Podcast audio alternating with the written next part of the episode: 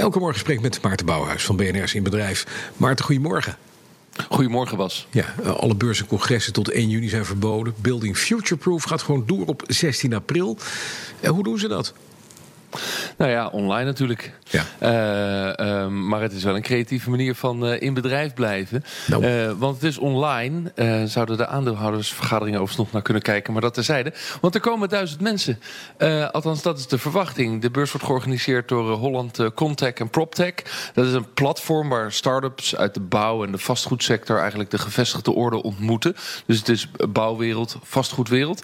Mm -hmm. en die willen wel door met hun activiteiten. En Wouter Trufino, de directeur daar, die, um, ja, die zag alles gebeuren, alle maatregelen. Die heeft zijn team aan het werk gezet en die heeft erbij gezegd, dat ondernemend, geen webinars, geen podcast, niet al die standaard dingen die iedereen kan bedenken. Kom eens met iets creatiefs. En er komt nu dus een vijf uur durende beurs. Niet zomaar een webinar, maar echt gewoon een mainstage met gave keynote sprekers. We hebben ook uh, breakout sessies. Dus we hebben honderd tafels waar mensen met elkaar uh, in kleine groepjes kunnen, uh, een onderwerp kunnen discussiëren. Waar 500 man tegelijkertijd naar kunnen luisteren. Maar we hebben ook de mogelijkheid om één op één te netwerken. Dus je krijgt 180 seconden om, net zoals nu via Zoom, met elkaar een videocall te hebben.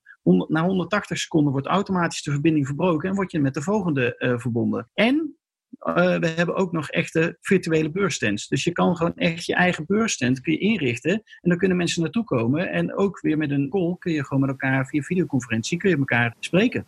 Ja, klinkt mooi. Het draait al ontmoeten. Hè. Je komt daar je, je, je peers tegen, je kennissen en je nieuwe, nieuwe klanten. Dat heb je niet, ook niet in 180 seconden. Hoe gaan ze dat doen, Maarten?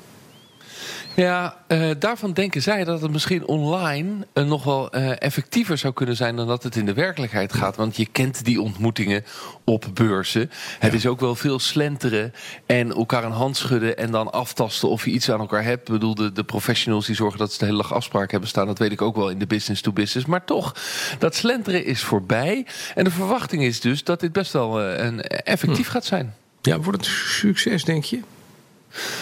Nou, daar heb ik over na zitten denken. Wat houden mensen hiervan? Gaan mensen vijf uur lang online van achter hun werkkamer op een beurs lopen? Dat weet ik niet. Uh, misschien ja. twee of drie uurtjes.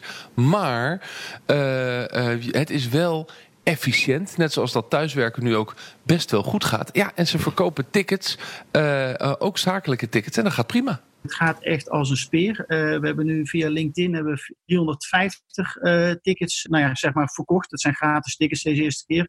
Via een platform zelf zitten we nu op 172. We hebben 23 bedrijven die een partnerovereenkomst uh, hebben gesloten. En dat zijn hele kleine bedragen. Dat is, gaat tot een maximum van 2000 euro. Dus het is niet te vergelijken wat je kwijt bent met een beursstand of tickets of reizen daar naartoe of hotelkosten of overnachtingen of diners. Dat hebben we allemaal niet. Dus het is echt een, een heel laag bedrag om uh, toch ja, zichtbaar te zijn.